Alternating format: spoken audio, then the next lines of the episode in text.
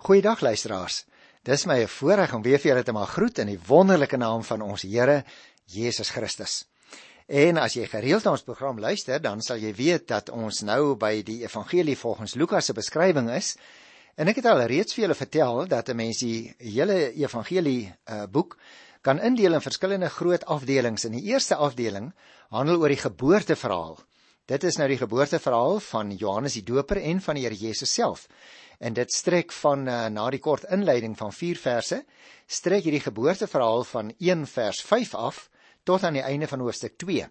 En ons is vandag by die laaste stukkie uh van daardie uh, aankondiging van Jesus se geboorte wat ons nou kry van hoofstuk 1 vers 26 tot by vers 38 en daarom wil ek sommer dadelik daarmee begin. Ter inleiding wil ek net eers sê Lukas sal jy onthou beklemtoon ook die rol van die vrou op 'n baie besondere manier, veral natuurlik in die verlossingsgeskiedenis. Hierdie gebeure benader hy byvoorbeeld uit die gesigshoek van Maria en nie uit die van Josef soos wat Matteus gedoen het nie. Verder val dit my ook elke keer op dat die aankondiging van die geboorte van Johannes die Doper en ook die van die geboorte van die Here Jesus self ten opsigte van saak en woord parallel loop met die verskil dat Jesus telkens as die meerdere van Johannes beskrywe word. Nou die 26ste vers klink so. In die 6ste maand van Elisabet se swangerskap het God die engel Gabriël gestuur na 'n maagd in Nasaret, 'n dorp in Galilea. Nou luisteraars, uh, ek het al in 'n vorige program uh, dit vertel, maar dalk moet ek net weer daaraan herinner. Galilea was natuurlik vir die Jode 'n aanstoot vanweë sy gemengde bevolking en dus volgens hulle onrein mense. Hulle was naamlik oortuig dat uit Nasaret eintlik niks goeds kon kom nie. 'n Mens kry dit baie duidelik uitgespel, woordeliks uitgespel in Johannes 1 by vers 46.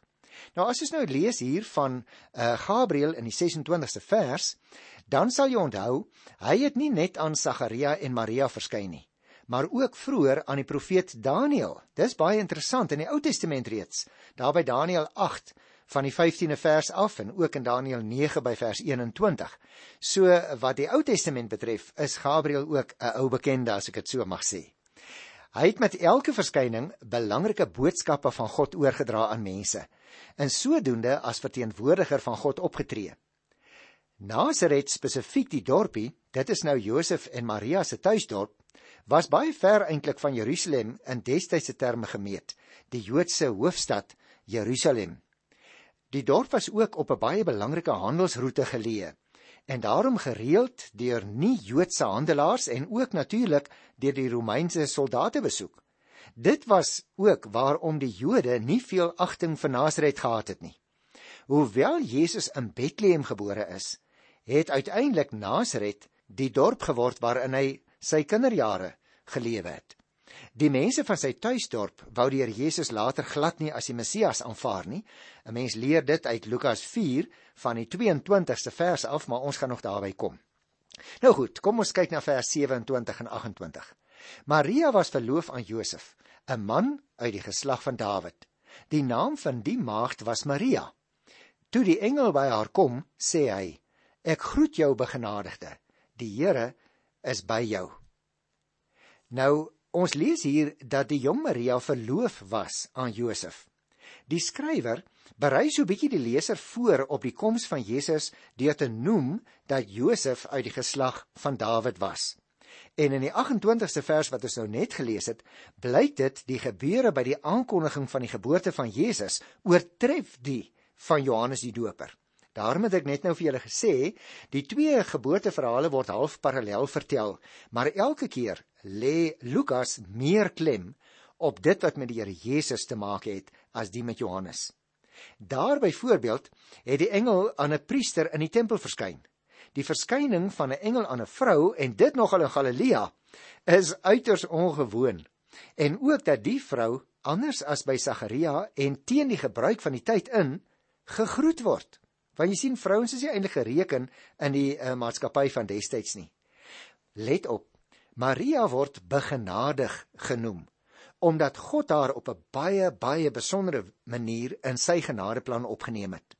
En as bevestiging van hierdie genade sal sy ondervind dat die Here by haar is, staan daar. Nou Maria was natuurlik baie jonk. Sy was ook arm en in die destydse samelewing het haar vrou wees in 'n groot mate teen haar getel. Nou al hierdie dinge het haar volgens die opvatting van daardie tyd eintlik in mense oë ongeskik gemaak om deur God gebruik te word vir enige noemenswaardige taak. God het haar egter gekies om haar gehoorsaamheid aan hom op 'n baie besondere manier te bewys.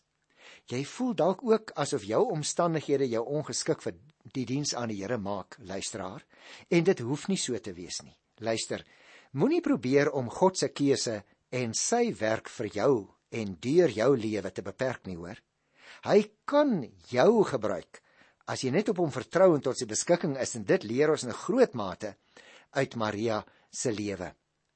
Nou vers 29 en 33 vorm eintlik 'n een eenheid, maar kom ek lees uh eers vir jou so 'n stukkie net vers 29 en 30 eers. Sy was verbuisterd oor die woorde en het gewonder wat die begroeting tog kon beteken. Die engel sê toe vir haar: Moenie bang wees nie, Maria, want God bewys genade aan jou. Jy sien luisteraar ook die reaksie van Maria is meer intens as die van Sagaria, uh, wie se reaksie ons in vers 11 en 12 gelees het. Die engel sê naamlik vir haar om ook nie bang te wees en weer eens word die rede verstrek waarom sy net soos Sagaria nie hoef bang te wees nie. Hy sê naamlik God bewys sy genade aan jou. En dit gee aan haar iets wat sy eintlik nie verdien nie, want 'n mens verdien mos nooit genade nie. En dit verklaar ook vir ons die aanspreekvorm begenadigde. Nou luister na vers 31. Jy sal swanger word en 'n seun in die wêreld bring en jy moet hom die naam Jesus gee. Nou natuurlik, die ooreenkoms met vers 13 is dadelik duidelik. Maria sal swanger word en 'n seun in die wêreld bring wat sy Jesus moet noem. Jesus is 'n bekende Joodse naam. Dieselfde as Joshua in die Ou Testament en dit beteken letterlik God verlos of God red. Die seun sou die betekenis van hierdie naam vervul. Weereens 'n baie belangriker rol as die van Johannes die Doper. God gee die naam en hy sal dus deur hierdie seun die naam werklikheid laat word wanneer Jesus gaan die verlosser van die wêreld word. Vers 32 sê: Hy sal groot wees en die seun van die Allerhoogste genoem word. Die Here God sal hom die troon van sy voorvader Dawid gee. Nou dit is ook natuurlik nou luisteraars 'n baie baie belangrike opmerking. Waar byvoorbeeld van Johannes gesê is dat hy groot sal wees voor die Here, word van Jesus nou baie meer gesê. Hy sal groot wees en die seun van die Allerhoogste genoem word. Jy sien, God alleen word allerhoogste genoem omdat hy onvergelyklik is in mag en in majesteit. Maar die engel sê meer. Die Here God sal die Here Jesus die troon van sy voorvader Dawid gee. Dis interessant, want deur Josef se huwelik met Maria sou hy haar en haar seun volgens die Joodse wet insluit by sy eie familie. Die woorde sy voorvader Dawid mag nou in hierdie verband ook beteken dat Maria uit die geslag van Dawid was.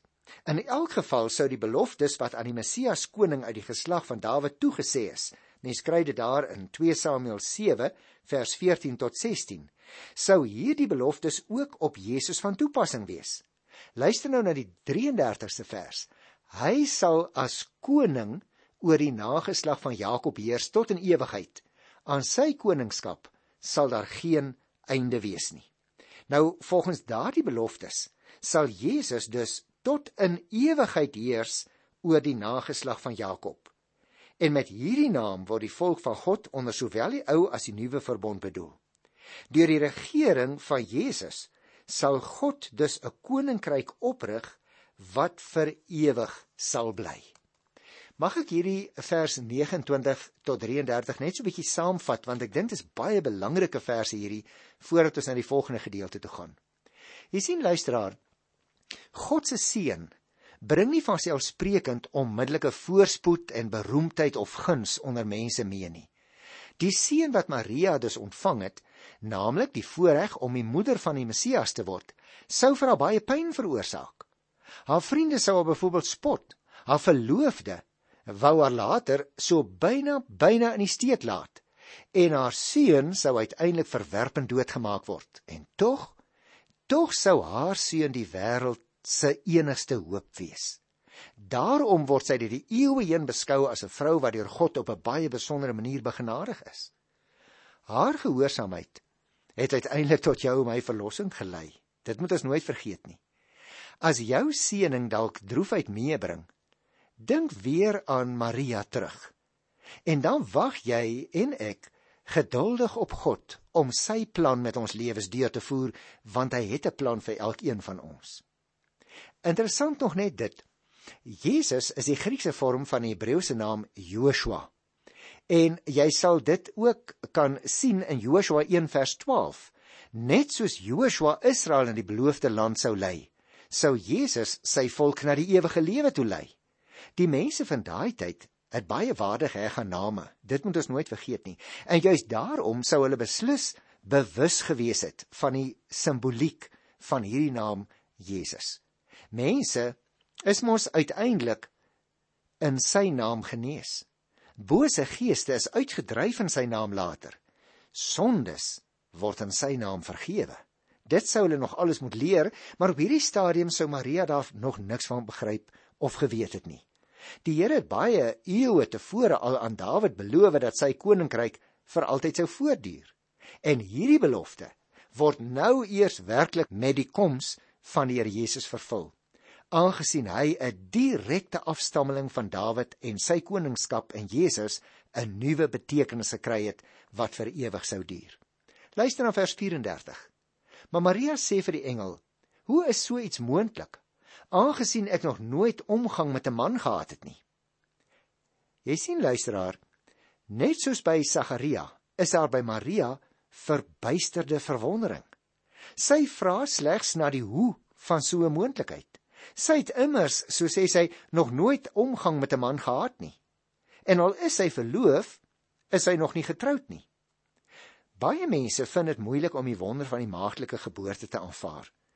Ons moet natuurlik dadelik besef dat ons hier te doen het met 'n wonderwerk van die Here. 'n Groot misterie. En ons moet dit as sodanig benader en nie probeer om dit rasioneel te verklaar soos wat sommige mense in ons tyd nou probeer maak nie. Jy sien, selfs die skrywer Lukas was 'n geleerde man en waarskynlik 'n mediese dokter. Dit het ons al gehoor en hy was bereid om dit so te aanvaar en as deel van sy verhaal aan te bied. Wat ons dus hier het, is Lukas se oorvertel van die gebeure in verhaalvorm met die doel om te sê God se woord is magtig. Maria se maagdelikheid dien dieselfde doel as Sagaria en Elisabet se hoë ouderdom. Dit dui op God se almag om menslike beperkings te oorkom. En jy sal onthou, reeds in vers 27 is daar twee maal verwys na die feit dat Maria 'n maagd is. En dit word vir ons die menslike vaderloosheid van hierdie swangerskap wat onder ons aandag moet bring, want dit is nie deur 'n man se toedoen dat die Here Jesus gebore is nie. Ons gaan nou daarby kom, maar laat ek dit net tussen hakies solank al sê dat juis hier in vers 30 tot 33 is die aandeel van God in Maria se swangerskap op die voorgrond. En in vers 35 word die belofte van Jesaja 7 vers 14 waargemaak. Want jy sien uiteindelik verklaar die engele vers 37 niks is vir God onmoontlik nie. En juis daarom wou Lukas hierdie hele wonder gebeure onder ons aandag bring sodat ons dit nie nie moet vergeet nie. Vers 35 sê baie duidelik: Die engel antwoord haar: Die Heilige Gees sal oor jou kom en die krag van die Allerhoogste sal die lewe in jou wek. Daarom sal die een wat gebore word heilig genoem word, seun van God. Die engel beantwoord haar vraag op 'n baie digterlike wyse in die Grieks. Die Heilige Gees sal oor jou kom en die krag van die Allerhoogste sal die lewe in jou wek. Jy sien die woord gebruik veral in die Griekse taal sien mense dit mooi. Laat dink ons aan die wolk wat oor die tabernakel gekom het daar in Eksodus 40 by die 34ste vers en wat die sigbare teenwoordigheid van God aandui. God sal met ander woorde in hierdie geboorte van die Here Jesus deur sy gees werksaam wees. Maar die geheimenis van sy werk word nie verklaar in die Bybel nie. Ons kan dit in elk geval nie regtig verstaan nie. Op grond van sy verwekking deur die Heilige Gees sal die Here Jesus dan heilig genoem word, die seun van God. staan dit daar baie duidelik geskrywe. Hy deel met ander woorde in die wese van God en daarom is hy self ook God. En daaroor gaan ons praat as ons by Johannes 1 by die eerste vers kom. Die geboorte van die Here Jesus sal dus in elke opsig die geboorte van Johannes die Doper oortref. Johannes die Doper sal van sy geboorte af vervul wees met die Heilige Gees. Jesus sal deur die werk van die Heilige Gees gebore word. Baie belangriker en meer misteries nog as die geboorte van Johannes die Doper. Vers 36 en 37 sê: "Kyk, 'n bloedverwant van jou, Elisabet, het in haar ouderdom self ook 'n seun ontvang en sy wat as onvrugbaar bekend was, is nou al in haar 6ste maand. Niks, nou word dit weer herhaal, niks is vir God onmoontlik nie. Jy sien, ook aan Maria word 'n teken gegee. Sy sal vind dat haar bloedverwant, haar tante Elisabet wat onvrugbaar was en reeds bejaard, reeds op hierdie stadium 6 maande swanger is. En dit moet juis vir Maria sê, Niks is vir God onmoontlik nie en dat sy haar gerus kan verlaat op die woorde wat God aan haar bekend gemaak het deurdat hy sy engel aan haar laat verskyn het. Nou luister nou na vers 38. Maar Maria sê toe: Ek is tot beskikking van die Here. Laat met my gebeur wat u gesê het. En nou sê Lukas: Toe het die engel van haar af weggegaan. Maria se geloofsbelijdenis, want dit is wat ek dit graag sou wou noem, as hy sê ek is tot beskikking van die Here. En ek sou sê hierdie stukkie geloofsbelijdenis tref tref 'n mens hoor. Ook haar oorgawe waarin sy haar gewillig en onvoorwaardelik tot beskikking van die Here stel, staan dit daar, sodat dit met haar kan gebeur wat die engel gesê het. Luisteraars, ons moet nooit vergeet nie. 'n Jong ongetroude meisie wat swanger geraak het, het groot risiko's geloop. Dis baie erger gewees daardie tyd as wat dit nou al in ons gemeenskappe deesdae baie meer aanvaarbaar is. As die vader van die kind nie ingestem het om met so 'n meisie te trou nie, dan sou sy waarskynlik vir die res van haar lewe ongetroud moes bly. As haar eie vader haar, haar byvoorbeeld ook sou verwerp, sou sy dalk gedwing word om 'n bedelaar of selfs 'n prostituut te word in daardie tyd. Maria het ook nog die gevaar geloop om as kranksinnig gebrandmerk te word as sy sou vertel dat sy deur die Heilige Gees swanger geraak het. Jy en ek moet dit tog nooit romantiseer nie, luisteraar. Want die mense eh, sou na Maria gekyk het en as sy dan sê maar maar ek is swanger as gevolg van die Heilige Gees se werking in my sou die ou tannies dink ek hulle koppe geskit het en gesê het ag my poppie moet tog nou nie vir ons stories probeer vertel nie ons weet nou al dit werk nie so nie Maar ondanks al hierdie dinge, sê sy vir die engel: Ek is tot beskikking van die Here. Laat met my gebeur wat u gesê het. Nou natuurlik, sy het toe nog nie geweet wat 'n wonderlike seën sy sou ontvang nie. Sy het maar net op hierdie stadium geweet dat God haar gevra het om hom te dien en sy was gewillig om dit te doen. Jy en ek, ek dink ons moet hier in hieruit so 'n bietjie 'n lesie leer hoor. Moenie wag om te sien wat in die toekoms gaan gebeur voordat jy jou lewe vir die Here gee nie. Gee jouself onvoorwaardelik en gewilliglik aan hom. Selfs al lyk dit soms asof die gevolge in menslike terme rampspoedig gaan wees. Soortgelyke aankondigings dat daar 'n kind gebore sou word, het verskillende reaksies in die skrif ontlok. Onthou jy nog vir Abraham toe ons Genesis behandel? Sy vrou Sara, hoe sy gelag het daar in Genesis 18. Ons kry ook ander gedeeltes in Rigters 13 byvoorbeeld, maar Noag, Samson se pa, was ontsteld. En Sagaria, juis hier in Lukas 1 by die 18de vers, het getwyfel. Jy sien, in teenstelling met hulle, het Maria haar dadelik volkome aan God se wil onderwerp. Sy het die engel geglo. Meer nog, sy het ingestem om die kindjie te ontvang, al sou dit menslik onmoontlik wees. God kan inderdaad die onmoontlike doen. En daarom moet ons nooit op sy eise antwoord deur te twyfel of te lag of selfs bang te wees nie. Nee, jy en ek moet leer om bereid te wees om alles te doen wat die Here van ons vra, selfs al verstaan ons dit nie altyd regtig nie. Kom ons behandel nog so 'n paar versies uh hier van vers 39 af, want hier kry ons nou die besoek van uh Maria aan Elisabet. Ek wil miskien net dit sê, 'n uh, mens kan hierdie besoek van Maria ook verbind aan die twee verhale van die geboorte van Johannes die Doper en die van die Here Jesus self. Kom ons kyk hier in vers 39 en 40. Maria het haar sonder versuim gereed gemaak en haastig na 'n dorp in die bergstreek van Judea gegaan. Daar het sy in Sagaria se huis ingegaan en vir Elisabet gegroet. Nou Elisabet het in 'n dorp in die bergstreek van Juda suid van Jerusalem gebly. Nasaret is geleë in die noorde van die land. Vir Maria het dit dus 'n redelike ver reis beteken veral as sy te voet sou moes loop. Maar hier staan sy het sonder versuim dit onderneem en die teken gevind waarvan die engel gepraat het. En dit bring ons hier by vers 41. Net toe Elisabet die groet van Maria hoor, het die kindjie in Elisabet se skoot beweeg en sy is met die Heilige Gees vervul. Sy het hard uitgeroep: "Geseënd is jy onder die vroue en geseënd is die vrug van jou moederskoot." Waaraan het ek dit te danke dat die moeder van my Here na my toe kom?